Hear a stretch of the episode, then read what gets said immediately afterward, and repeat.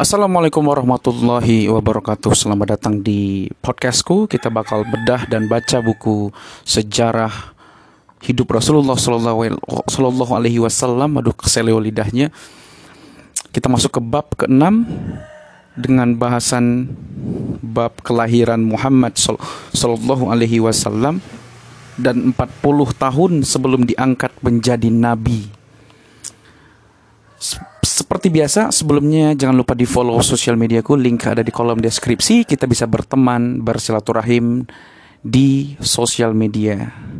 Oke teman-teman, kita langsung aja masuk di bab ke-6 kelahiran Nabi Muhammad SAW dan 40 tahun sebelum diangkat menjadi Nabi. Ini cukup panjang, ada 10 halaman, mungkin ada sekitar satu jaman, my bay, but uh, who never know about that? Mungkin sekitar satu jaman karena 10 10 halaman terdiri dari beberapa subbab juga. Baik kita langsung aja. Kelahiran Muhammad Shallallahu Alaihi Wasallam. Penghulu para nabi ini lahir di tengah lingkungan keluarga Bani Hashim di Mekah, bertepatan pada hari Senin pagi tanggal 9 Rabiul Awal di tahun terjadinya penyerbuan Mekah oleh tentara gajahnya Abraha. Juga bersamaan dengan 40 tahun masa kerajaan Kisra Anushirwan yang jatuh pada tanggal 20 atau 22 April 571 Masehi. Sesuai dengan yang diteliti oleh ulama besar Muhammad Sulaiman Al-Mansuf Al-Mansur Furi rahimahullah diriwayatkan dari Ibnu Sa'ad bahwa ibu Rasulullah Shallallahu alaihi wasallam berkata tak kala aku melahirkan putraku aku melihat cahaya yang memancar dari kemaluanku dan menampakkan istana-istana Syam Keterangan ini juga diriwayatkan oleh Imam Ahmad Ad-Darami dan lainnya. Diriwayatkan juga pada peristiwa-peristiwa luar biasa yang terjadi saat kelahiran Nabi di antaranya jatuhnya 14 balkon istana Kisro, padamnya api yang disembah oleh orang-orang Majusi, runtuhnya gereja-gereja di sekitar Bahiroh dan terkubur ke dalam tanah. Keterangan ini diriwayatkan oleh Sabari Baihaqi juga selainnya. Kendati jalur periwayatan kisah ini tidak kuat dan juga tidak ada saksi sejarah, namun anggapan kebenarannya cukup kuat. Setelah persalinan, Aminah menyerahkan anaknya kepada Abdul Muthalib sebagai kabar gembira. Ia menyambutnya dengan wajah berseri-seri, kemudian membawa cucunya masuk ke dalam Ka'bah mengucapnya mengucapkan syukur dan memuji Allah Azza wa Jal. Abdul Muthalib memberi nama cucunya dengan nama Muhammad. Nama yang terdengar asing di telinga bangsa Arab ketika itu. Barulah di hari ketujuh Abdul Muthalib mengkhitan cucunya sebagaimana tradisi yang berjalan di tanah Arab. Tetapi ada juga yang mengatakan bahwa Nabi Muhammad sudah terkhitan sebagaimana dijelaskan dalam buku Talqihu Fahum Al-Athar. Ibnu Qayyim berkata, tidak didapati hadis yang kuat yang menetapkan masalah khitan beliau. Jadi berbeda pendapat, ada yang bilang sudah dikhitan dan ada juga yang bilang bahwa Nabi belum dikhitan. Baik, kita langsung aja skip karena footnote-nya terlalu panjang. Ya, footnote-nya terlalu panjang ini soal khitan nabi kita yang berbeda pendapat. Ada yang mengatakan bahwa nabi kita dilahirkan dalam kondisi telah berkhitan karena Jibril menyunat menyunatnya saat peristiwa pembelahan pembelahan dada. Ada juga kakek beliau yang kakek beliau Abdul Muthalib yang menyunatkannya sesuai dengan tradisi Arab. Yang kedua tadi Jibril yang menyunat beliau saat peristiwa pembelahan dada. Ini perbedaan pendapatnya. Tetapi perbedaan ini pada intinya adalah Nabi kita sunat. Jadi jangan sampai tidak sunat teman-teman. Orang yang pertama kali menyusui Muhammad Sallallahu Alaihi Wasallam setelah ibunya yang hanya menyusui seminggu adalah Suwaibah, budak Abu Lahab yang kebetulan juga saat itu sedang menyusui putranya Masruh. Sebelumnya Suwaibah juga telah menyusui Hamzah bin Abdul Muttalib dan Abu Salamah bin Abdul As'ad Al-Makhzumi. Kita langsung masuk ke subbab berikutnya dengan bahasan di lingkungan Bani As'ad. Kebiasaan yang berjalan di kalangan bangsa Arab yang tinggal di perkotaan, mereka mencari wanita untuk menyusui anak-anak mereka dengan maksud menjauhkan mereka dari penyakit-penyakit perkotaan, menguatkan fisik, menjadikan syaraf lebih peka, dan memiliki kemampuan berbahasa Arab secara fasih. Semenjak kecilnya, Abdul Muthalib lalu men mencarikan wanita penyusu untuk menyusui Rasulullah Shallallahu Alaihi Wasallam. Akhirnya cucunya ia serahkan kepada salah seorang wanita dari Bani Sa'ad bin Bakar yang bernama Halimah binti Abu Zu'aib.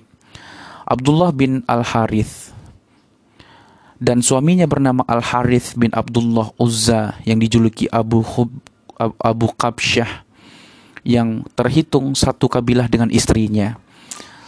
Adapun saudara sesusuan Nabi Shallallahu Alaihi Wasallam di lingkungan Bani Sa'ad yaitu Abdullah bin Al Harith, Anisah binti Al Harith, Hudzaifah dan Judmah Judhamah binti Al Harith. Nama aslinya Asyaima namun ia lebih dikenal dengan julukannya ketimbang nama asli. Wanita inilah yang mengasuh Rasulullah Shallallahu Alaihi Wasallam, juga pernah mengasuh Abu Sufyan bin Al Harith bin Abdul Muthalib, sepupu beliau. Paman beliau Hamzah bin Abdul Muthalib juga menyusu di Bani Sa'ad bin Bakar. Ketika Rasulullah masih disusui oleh ibu susuan yang pertama, Hamzah sudah menyusu kepada Halimah. Sehingga Hamzah bin Abdul Muthalib menjadi saudara sesusuan lewat dua jalur, jalur Suwaibah dan jalur Halimah As-Sa'diyah. Halimah As-Sa'diyah merasakan keberkahan dengan hadirnya Rasulullah Shallallahu Alaihi Wasallam di tengah-tengah keluarganya dan membuat orang-orang berdecak kagum. Adapun cerita lengkapnya adalah sebagai berikut. Ibnu Ishaq berkata, Halimah bercerita sesuatu hari ia keluar dari desanya bersama suami dan anaknya yang masih kecil dan menyusu bergabung bersama para wanita dari Bani Sa'ad bin Bakar untuk mencari anak susuan. Saat itu adalah musim kemarau. Kami sudah tidak memiliki apa-apa lagi. Kami keluar dengan mengendarai keledai putih dan seekor unta tua yang sudah tidak memproduksi susu lagi. Setiap malam kami tidak bisa memejamkan mata dengan nyenyak karena bayi yang kami bawa selalu menangis menahan lapar. Air susuku mengering dan tak cukup untuk meng menganjal rasa lapar anakku. Unta tua kami pun tidak bisa diharapkan lagi mengeluarkan setetes susu pun. Karena itu, kami berharap mendapat bantuan sebagai jalan keluar. Keledai yang kami tunggangi pun jalannya semakin lemah karena hampir-hampir kami tidak pernah turun dari punggungnya. Setibanya di Mekah, kami segera mencari bayi yang bisa disusui. Semua kawan-kawanku menolak bayi milik Aminah lantaran ia anak yatim. Karena memang kami berharap ada upah lebih yang diberikan oleh ayah bayi kepada kami. Bahkan ada di antara kami yang sesumbar, dia anak yatim, apalah yang bisa kami dapatkan dari ibunya ataupun kakeknya yang telah renta bila kami mengambilnya sebagai anak susuan. Oleh sebab itulah kawan-kawanku tidak mau menerima Muhammad sebagai anak susuan. Selang beberapa hari mereka pun mendapatkan bayi susuan yang sesuai dengan harapan mereka. Kecuali aku seorang. Aku belum mendapatkan bayi untuk aku susui. Aku di sini ya Aminah tadi. Saat semua berkumpul dan bersiap untuk kembali, aku berkata kepada suamiku, "Demi Allah, Aku tidak ingin kembali bersama kawan-kawanku tanpa membawa bayi susuan. Demi Allah, aku akan pergi ke rumah Aminah dan mengambil anak yatim itu sebagai anak susuanku. Suamiku menjawab, "Kalau memang itu kemauanmu, lakukanlah. Semoga Allah memberikan berkahnya kepada kita lewat perantaraan anak itu." Aku segera ke rumah Aminah dan membawa anaknya pergi bersamaku. Alasan aku mengambilnya tidak lain lantaran tidak ada satu bayi pun yang bisa aku jadikan anak susuan selain Muhammad. Setelah mengambil bayi yatim itu, Aku segera kembali menuju hewan tungganganku dan kembali ke kampung halaman. Dalam perjalanan, aku menggendongnya dan kusodorkan puting susuku pada bibir bayi tersebut. Yang membuatku heran, bayi itu meminum susuku sepuasnya sampai kenyang. Padahal sebelumnya sangat sedikit sekali air susunya. Bahkan berikutnya anakku masih bisa meminum air susuku sampai kenyang. Kemudian keduanya tertidur pulas. Belum pernah anakku tidur sepulas ini. Ketika suamiku berdiri menghampiri unta tua kami, ia terhenyak karena didapatinya kantung susu unta kami penuh dengan susu. Kami meminum susu dari unta tua kami sampai kenyang. Kami pun beristirahat malam dengan tenang dan hari berbunga-bunga. Pagi harinya suamiku berkata kepadaku, "Wahai istriku, demi Allah, engkau telah mengambil satu jiwa yang penuh barokah Demi Allah, aku juga berharap demikian jawabku. Ku di sini adalah Aminah itu. Kami melanjutkan perjalanan dan anak dan aku naik ke atas punggung keledai bersama kedua bayiku. Demi Allah, keledaiku justru berjalan kencang. Tidak ada satu keledai pun yang mampu mengimbangi keledai yang aku tunggangi. Hingga salah seorang kawanku berkata, Wahai putri Abu Zu'aib, celakalah kamu, berjalanlah perlahan bersama kami. Bukankah ini keledai yang engkau tunggangi kemarin? Demi Allah, benar, ini adalah keledai yang kutunggangi kemarin, jawab Aminah. Mereka menimpali, demi Allah, kini keledaimu berubah menjadi sangat kuat. Sesampainya kami di kampung halaman Bani Sa'ad, kami dapati tanah kami sudah sangat gersang dan yang membuat kami berdecak kagum ketika kambing-kambing kami kembali ke kandangnya. Mereka dalam kondisi kenyang dan kantung susunya penuh susu, sehingga kami bisa memerah dan meminum susunya. Di saat yang sama, kambing-kambing yang lain tidak bisa diperah susunya lantaran tidak menghasilkan susu, sehingga para pemilik kambing menghardik para pengembalanya Celaka kalian, gembalakanlah hewan ternak kami di tempat putri Abu Zu'aib mengembala. Akan tetapi, ketika sore hari, saat hewan gembalaan kembali ke kandang, didapati kambing-kambing mereka masih dalam keadaan lapar dan kantung susunya kempes. Adapun kambing-kambing kami pulang dalam keadaan kenyang dan menampung banyak air susu. Kami senantiasa mendapatkan tambahan barokah dan kebaikan dari Allah hingga tanpa kami sadari, waktu dua tahun pun berlalu dan aku harus menyapihnya. Anak itu tumbuh menjadi seorang anak yang sehat dan kuat, melebihi anak-anak lainnya. Bahkan sebelum umurnya genap dua tahun, tulangnya sudah kokoh dan kuat.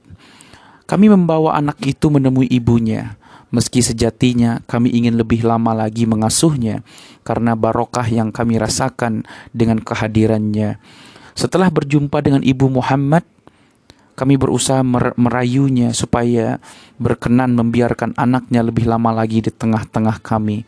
Saya berkata kepadanya, "Sebaiknya engkau perkenankan anakmu tinggal bersama kami hingga tumbuh kuat. Sungguh aku khawatir ia akan terjangkit penyakit yang mewabah di Mekah."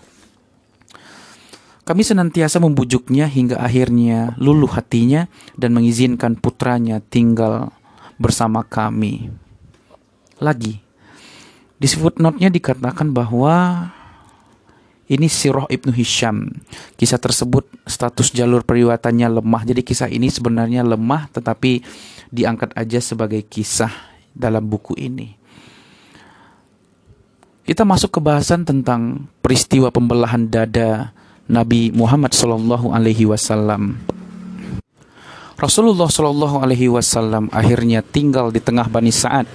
Menurut Ibnu Ishaq, beberapa bulan setelah itu terjadi peristiwa pembelahan dada Rasulullah. Adapun menurut para peneliti sejarah disebutkan bahwa kejadian pembelahan dada Rasulullah terjadi pada umur 4 tahun.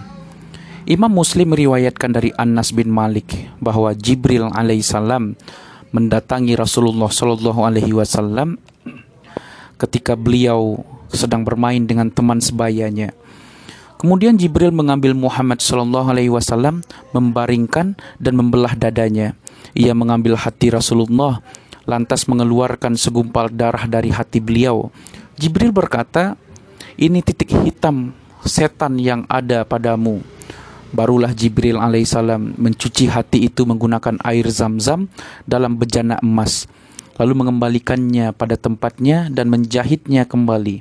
Melihat kejadian itu, anak-anak yang sebelumnya bermain bersama Rasulullah Shallallahu Alaihi Wasallam pun berhamburan mencari orang tua susuan masing-masing sembari berteriak, Muhammad telah dibunuh, Muhammad telah dibunuh, Muhammad telah dibunuh. Orang-orang pun bergegas mencari Muhammad Shallallahu Alaihi Wasallam dan mereka dapati beliau masih hidup bahkan dengan kondisi yang lebih berseri. Anas berkata, sungguh aku pernah melihat bekas jahitan di dada beliau. Sekarang kita bahasan ke kita masuk ke kembalinya Nabi Muhammad Shallallahu Alaihi Wasallam ke pangkuan ibunda tercinta. Setelah terjadi peristiwa pembelahan dada tersebut, Halimah merasa sangat ketakutan dan akhirnya memilih untuk segera mengembalikan Muhammad Shallallahu Alaihi Wasallam ke pangkuan ibunya. Rasulullah tinggal bersama ibu tercintanya hingga usia enam tahun.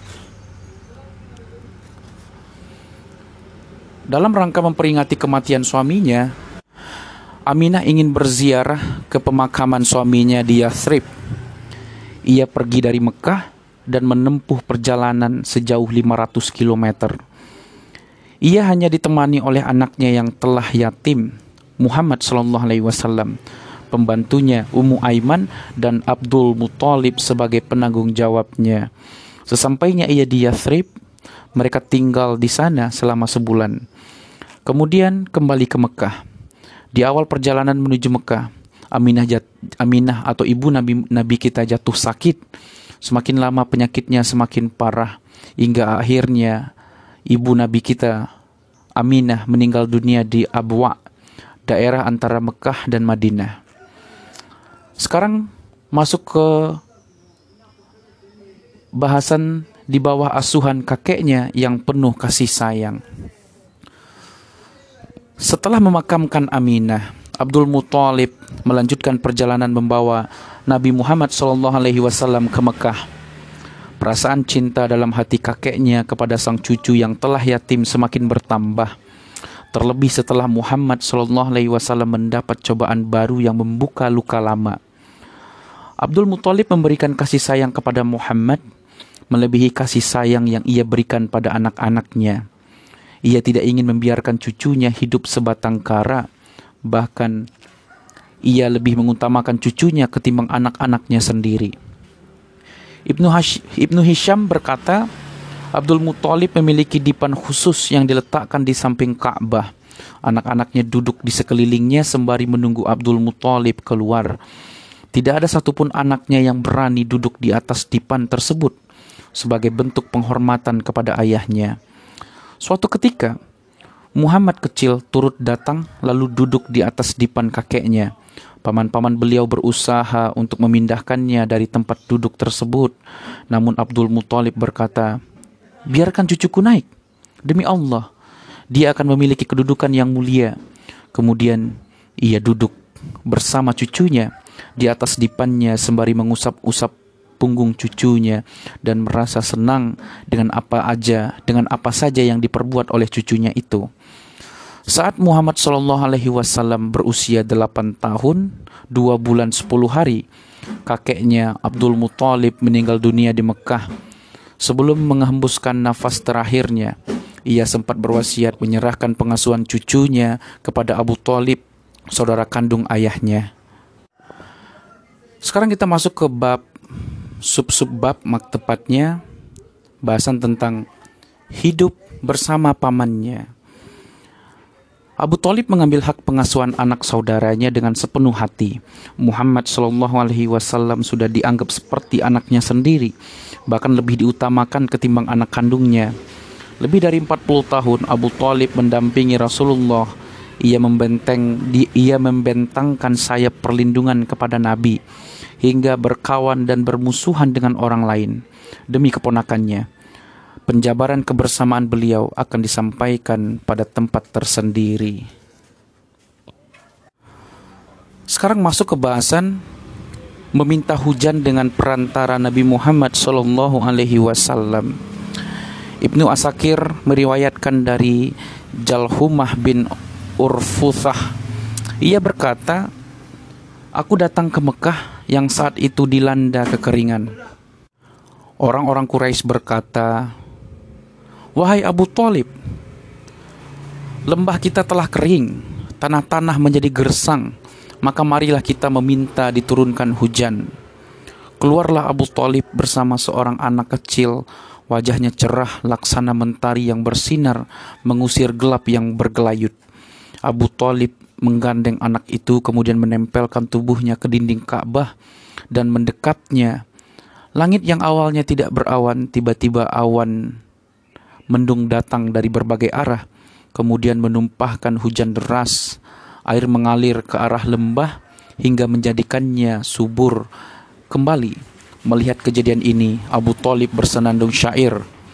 Si putih yang berseri memintakan hujan dengan wajahnya, penyantun anak-anak yatim dan penanggung para janda. Setelah itu ada peristiwa bertemu dengan Rahib Bahira.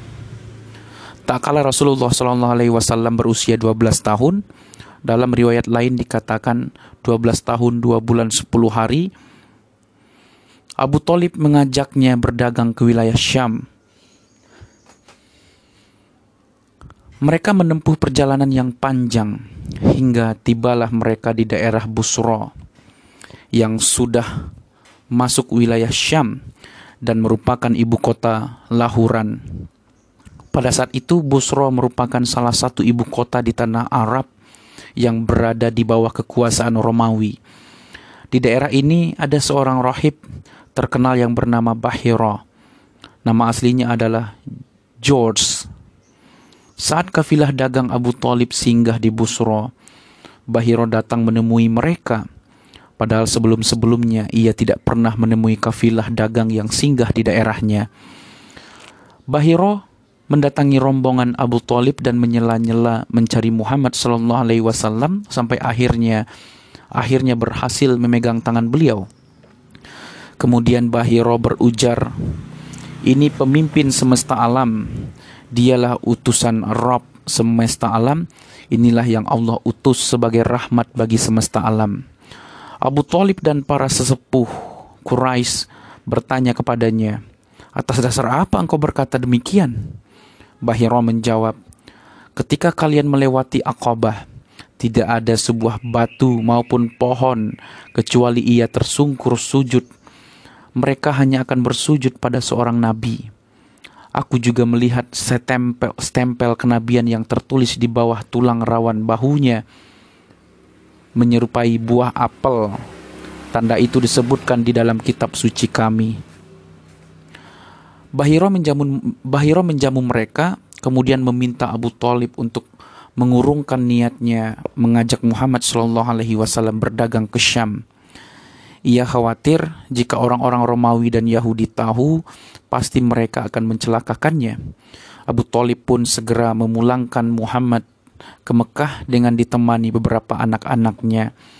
Nah, bertemu Rahib Bahiro ini di buku ini sepertinya kurang lengkap karena Ustadz Khalid Basalamah dalam segmen Sirah Nabawiyahnya menjelaskan bertemu Rahib Bahiro ini lebih panjang dan lebih detail nampaknya. Karena di situ dijamu makan terus sampai nanya uh, sampai nanya kamu uh, apa?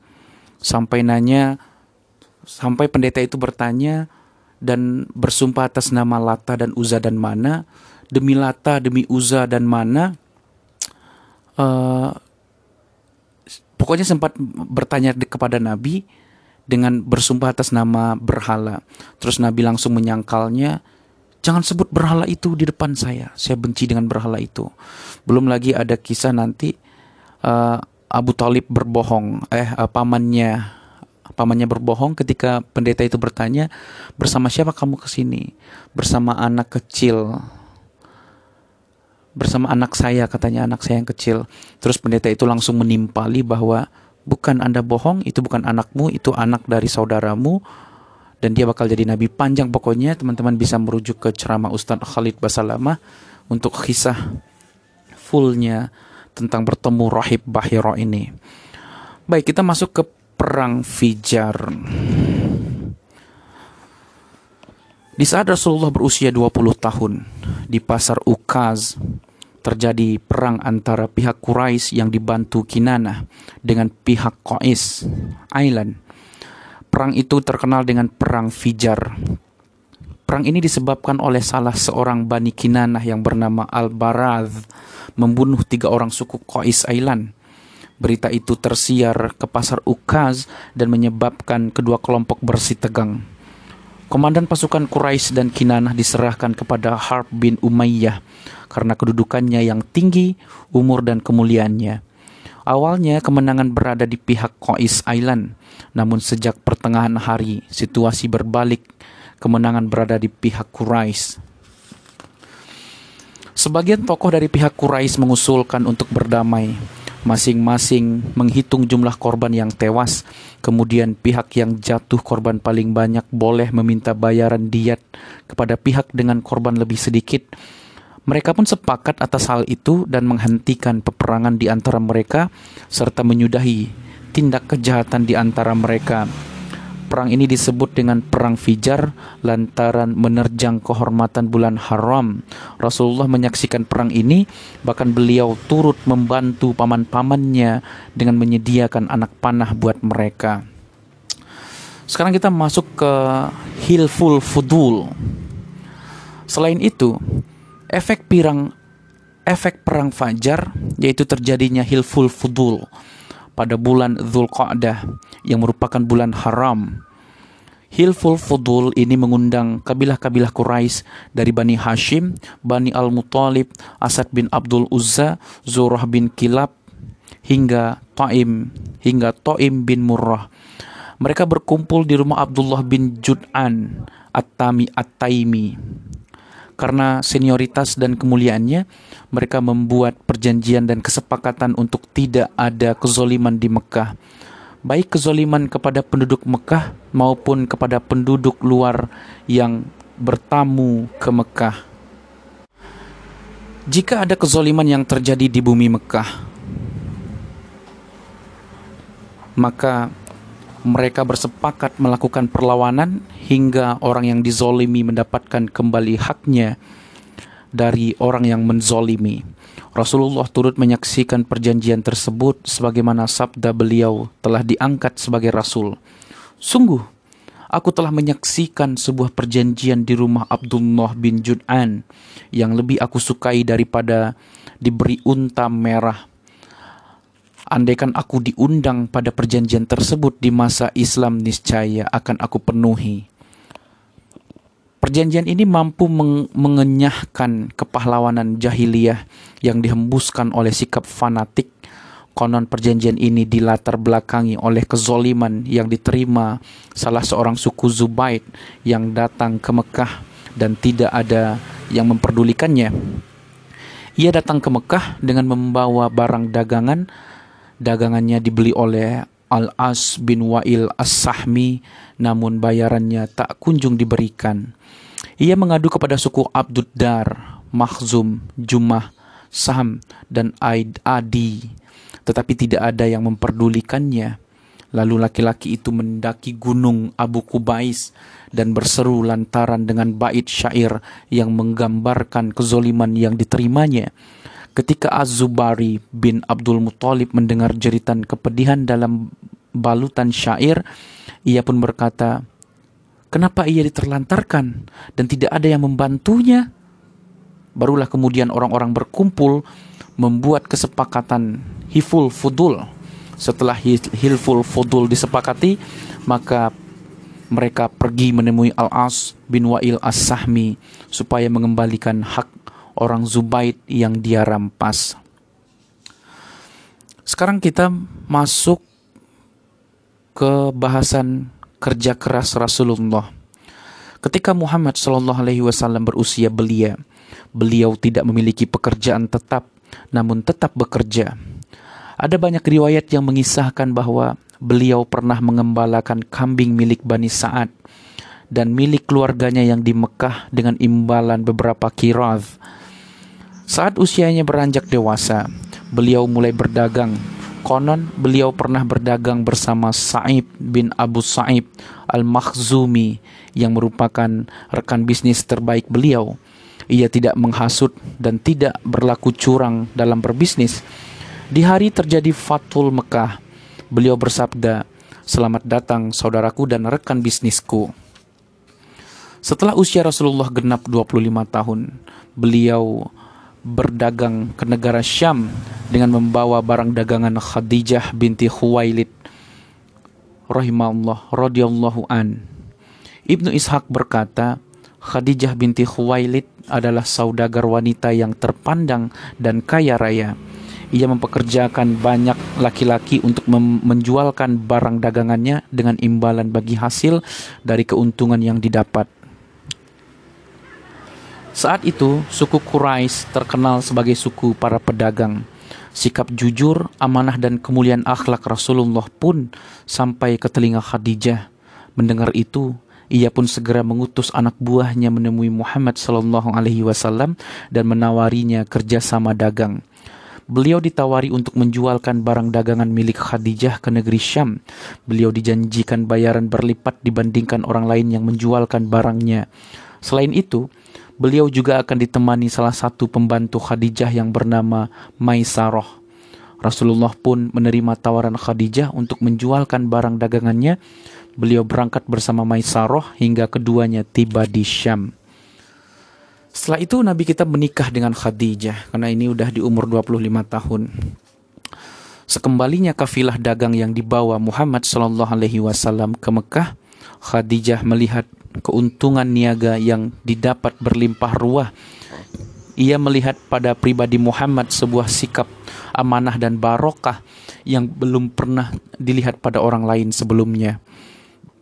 Ditambah kabar yang disampaikan oleh Maisaroh di saat menyertainya tentang keluhuran akhlaknya, kecerdikannya, kejujurannya, dan amanahnya. Khadijah merasa menemukan barang berharga yang selalu ia cari-cari ia ingin agar Muhammad mengisi kekosongan yang ada di relung hatinya. Walaupun banyak para pemimpin dan pembesar yang ingin mempersuntingnya, namun ia selalu menampik menolak lamaran mereka. Khadijah mengungkapkan perasaannya kepada sahabat dekatnya yang bernama Nafisah, Nafsiyah, binti Munabbih. Nafisah, oh bukan Nafsiyah tapi Nafisah Nafisah membuka jalan dengan menemui Muhammad Sallallahu Alaihi Wasallam supaya meminang Khadijah. Mendengar hal itu, Muhammad pun menyambut dengan tangan terbuka. Beliau segera menemui paman-pamannya sehingga mereka berangkat ke rumah paman Khadijah lalu meminangkan Khadijah untuknya. Berikutnya, terjadilah prosesi pernikahan antara Muhammad Sallallahu Alaihi Wasallam dengan Khadijah. Pernikahan ini dihadiri oleh Bani Hashim dan para pembesar suku Mudar. Pernikahan berbarokah antara Muhammad Sallallahu Alaihi Wasallam dan Khadijah radhiyallahu an terjadi dua bulan setelah kembalinya Rasulullah Sallallahu Alaihi Wasallam dari Syam. Rasulullah memberikan mahar kepada Khadijah berupa 20 ekor unta muda. Wow, 20 ekor unta muda. Jika 20 ekor satu ekor harganya 200 juta, maka 20 ekor unta harus sama dengan 2 miliar. 2 miliar, men, 2 miliar. Hello. Kita di zaman sekarang masa iya masih pakai hanya saja seperangkat alat sholat only. Malulah masa ngambil anak perempuan seseorang hanya dengan seperangkat alat sholat ya Allah beliin cincin ke atau apa ke? gitu. Minimal adalah gitu. Mas perangkat alat sholat. Ah, gimana sih? Oke. Okay. 20 ekor unta. Hmm ya 20 ekor unta mana sih tadi? 40 tahun. 20 ekor unta. Unta muda lagi. Oke. Ketika itu ibunda Khadijah berumur 40 tahun. Khadijah merupakan wanita yang paling mulia di tengah kaumnya lantaran memiliki nasab terbaik harta berlimpah dan otak yang cemerlang. Khadijah adalah istri pertama yang dinikahi oleh Rasulullah Shallallahu Alaihi Wasallam. Beliau tidaklah menikah dengan wanita lain kecuali setelah Khadijah meninggal dunia. Semua anak Rasulullah terlahir melalui rahim Khadijah radhiyallahu an, kecuali satu orang yang bernama Ibrahim. Anak pertama buah cinta Rasulullah dengan Khadijah bernama Qasim. Rasulullah memiliki kunyah dengan namanya sehingga beliau dipanggil Abu Qasim. Kemudian Zainab, Ruqayyah, Ummu Kalthum, Fatimah, dan Abdullah. Abdullah dijuluki dengan At-Tayyib, orang yang baik dan At-Thorir, orang yang suci. Qadarullah, semua anak laki-laki Rasulullah meninggal dunia saat masih balita. Anak perempuannya hidup hingga dewasa sehingga turut mengenyam dinul Islam dan ikut berhijrah hingga dewasa sehingga turut mengenyam dinul ikut berhijrah uh, hanya saja mereka semua meninggal dunia mendahului Rasulullah kecuali Fatimah. Fatimah radhiyallahu an meninggal dunia enam bulan pasca wafatnya Rasulullah sallallahu alaihi wasallam. Kita masuk ke bahasan merenovasi Ka'bah dan perkara pengambilan keputusan. Ketika Muhammad Shallallahu Alaihi Wasallam menginjak usia 35 tahun, orang-orang Quraisy berniat merenovasi Ka'bah. Sebelumnya, Ka'bah berupa batu-batu besar yang ditumpuk dengan ketinggian 9 hasta. Demikian wujudnya semenjak pembangunannya di masa Ismail alaihissalam. Ka'bah tidak memiliki atap sehingga barang-barang yang disimpan di dalamnya sering disantrongi pencuri. Terlebih Seiring berputarnya jarum jam, bangunan Ka'bah mulai rapuh dan dindingnya banyak yang retak-retak. Lima tahun sebelum kelahiran Nabi Muhammad SAW, Mekah dilanda banjir. Banjir besar hingga airnya menutupi Ka'bah. Hampir-hampir menyebabkan bangunan suci itu runtuh rata dengan tanah. Melihat fakta yang terjadi, Mau tidak mau orang-orang Quraisy bahu-membahu bekerja sama merenovasi Ka'bah demi menjaga kemuliaannya. Mereka sepakat harta yang digunakan untuk merenovasi Ka'bah hanya menggunakan harta yang diperoleh dengan cara baik lagi terpuji. Tidak boleh mencampurkan harta hasil pelacuran, jual beli riba, dan hasil kezoliman. Meski begitu, mereka masih ragu untuk menghancurkannya hingga Al-Walid bin Al-Mughirah Al-Makhzumi turun tangan dengan mengambil bogem seraya berkata, Ya Allah, kami hanya mengharap kebaikan. Al-Walid mulai merobohkan dari sisi dua sudut Ka'bah. Hari pertama hanya ia seorang diri yang bekerja. Setelah orang-orang Quraisy memastikan tidak ada bencana yang menimpa Al-Walid karena merobohkan Ka'bah, mereka akhirnya beramai-ramai merobohkannya pada hari kedua. Mereka terus merobohkan sisi-sisi bangunan hingga sampai pondasi yang dibangun Ibrahim. Saat mereka ingin membangunnya kembali, mereka membagi tanggung jawab pembangunannya. Setiap bagian menjadi tanggung jawab satu kabilah. Mereka semua mengumpulkan batu-batu, kemudian memulai pembangunan. Arsitek renovasian Ka'bah dipercayakan kepada Bakum, seorang arsitek berkebangsaan Romawi. Setelah pembangunan Ka'bah mencapai tempat peletakan Hajar Aswad, mereka berselisih siapakah yang pantas untuk meletakkannya. Perselisihan itu berselang berlangsung selama empat atau lima hari. Bukannya mereda, perselisihan yang ada justru semakin meruncing hingga hampir-hampir terjadi pertumpahan darah di tanah haram. Abu Umayyah bin Mughirah al-Makhzumi tampil sebagai penengah kabilah-kabilah yang berselisih. Ia menawarkan kepada mereka untuk menyerahkan urusan ini kepada orang yang pertama kali masuk masjid keesokan harinya. Mereka pun menyetujui usulan Abu Umayyah. Atas kehendak Allah, orang yang pertama kali memasuki masjid keesokan harinya adalah Muhammad Sallallahu Alaihi Wasallam.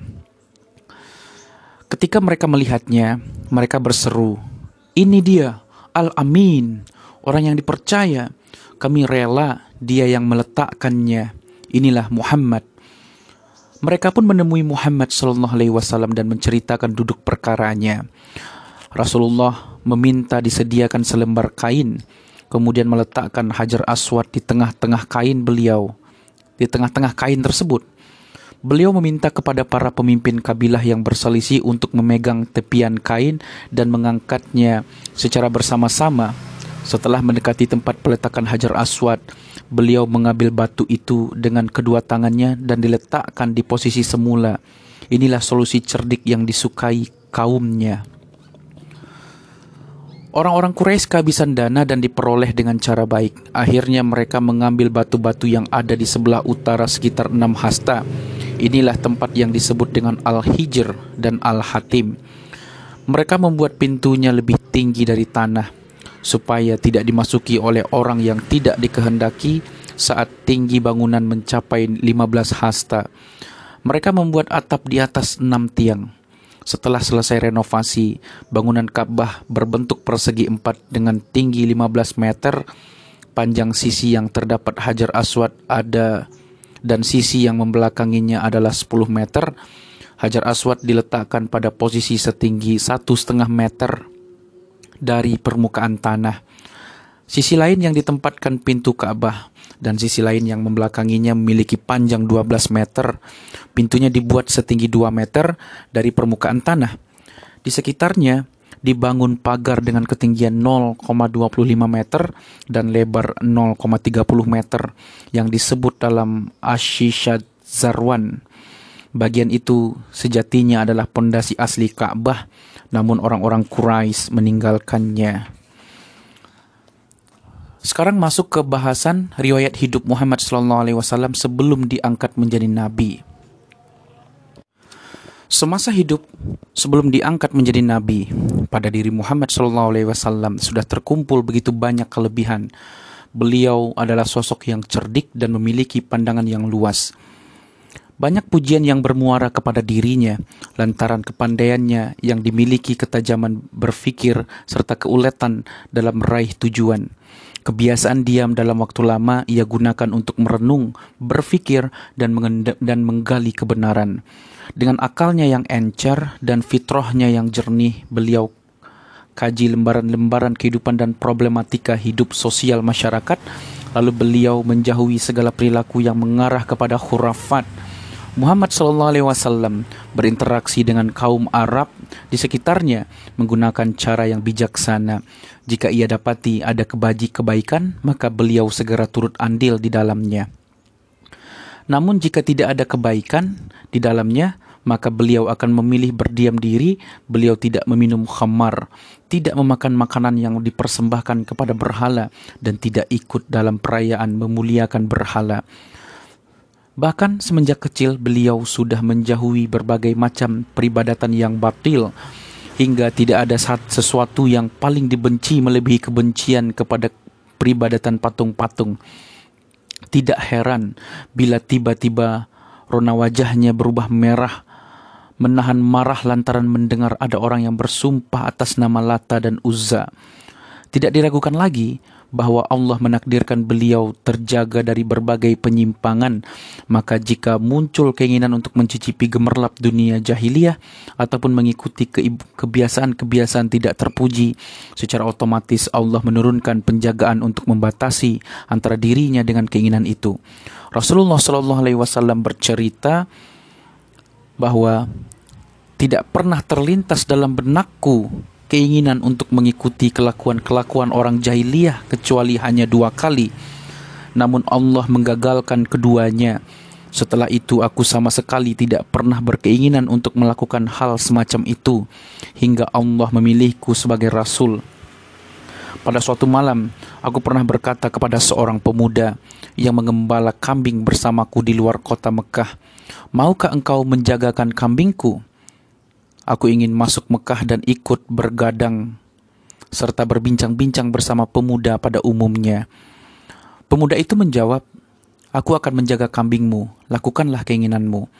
Maka aku beranjak pergi Saat melewati rumah pertama di kota Mekah, aku mendengar tabuhan rabana. Aku bertanya, ada apa ini? Orang-orang menjawab, ini adalah resepsi pernikahan Fulan dan Fulanah.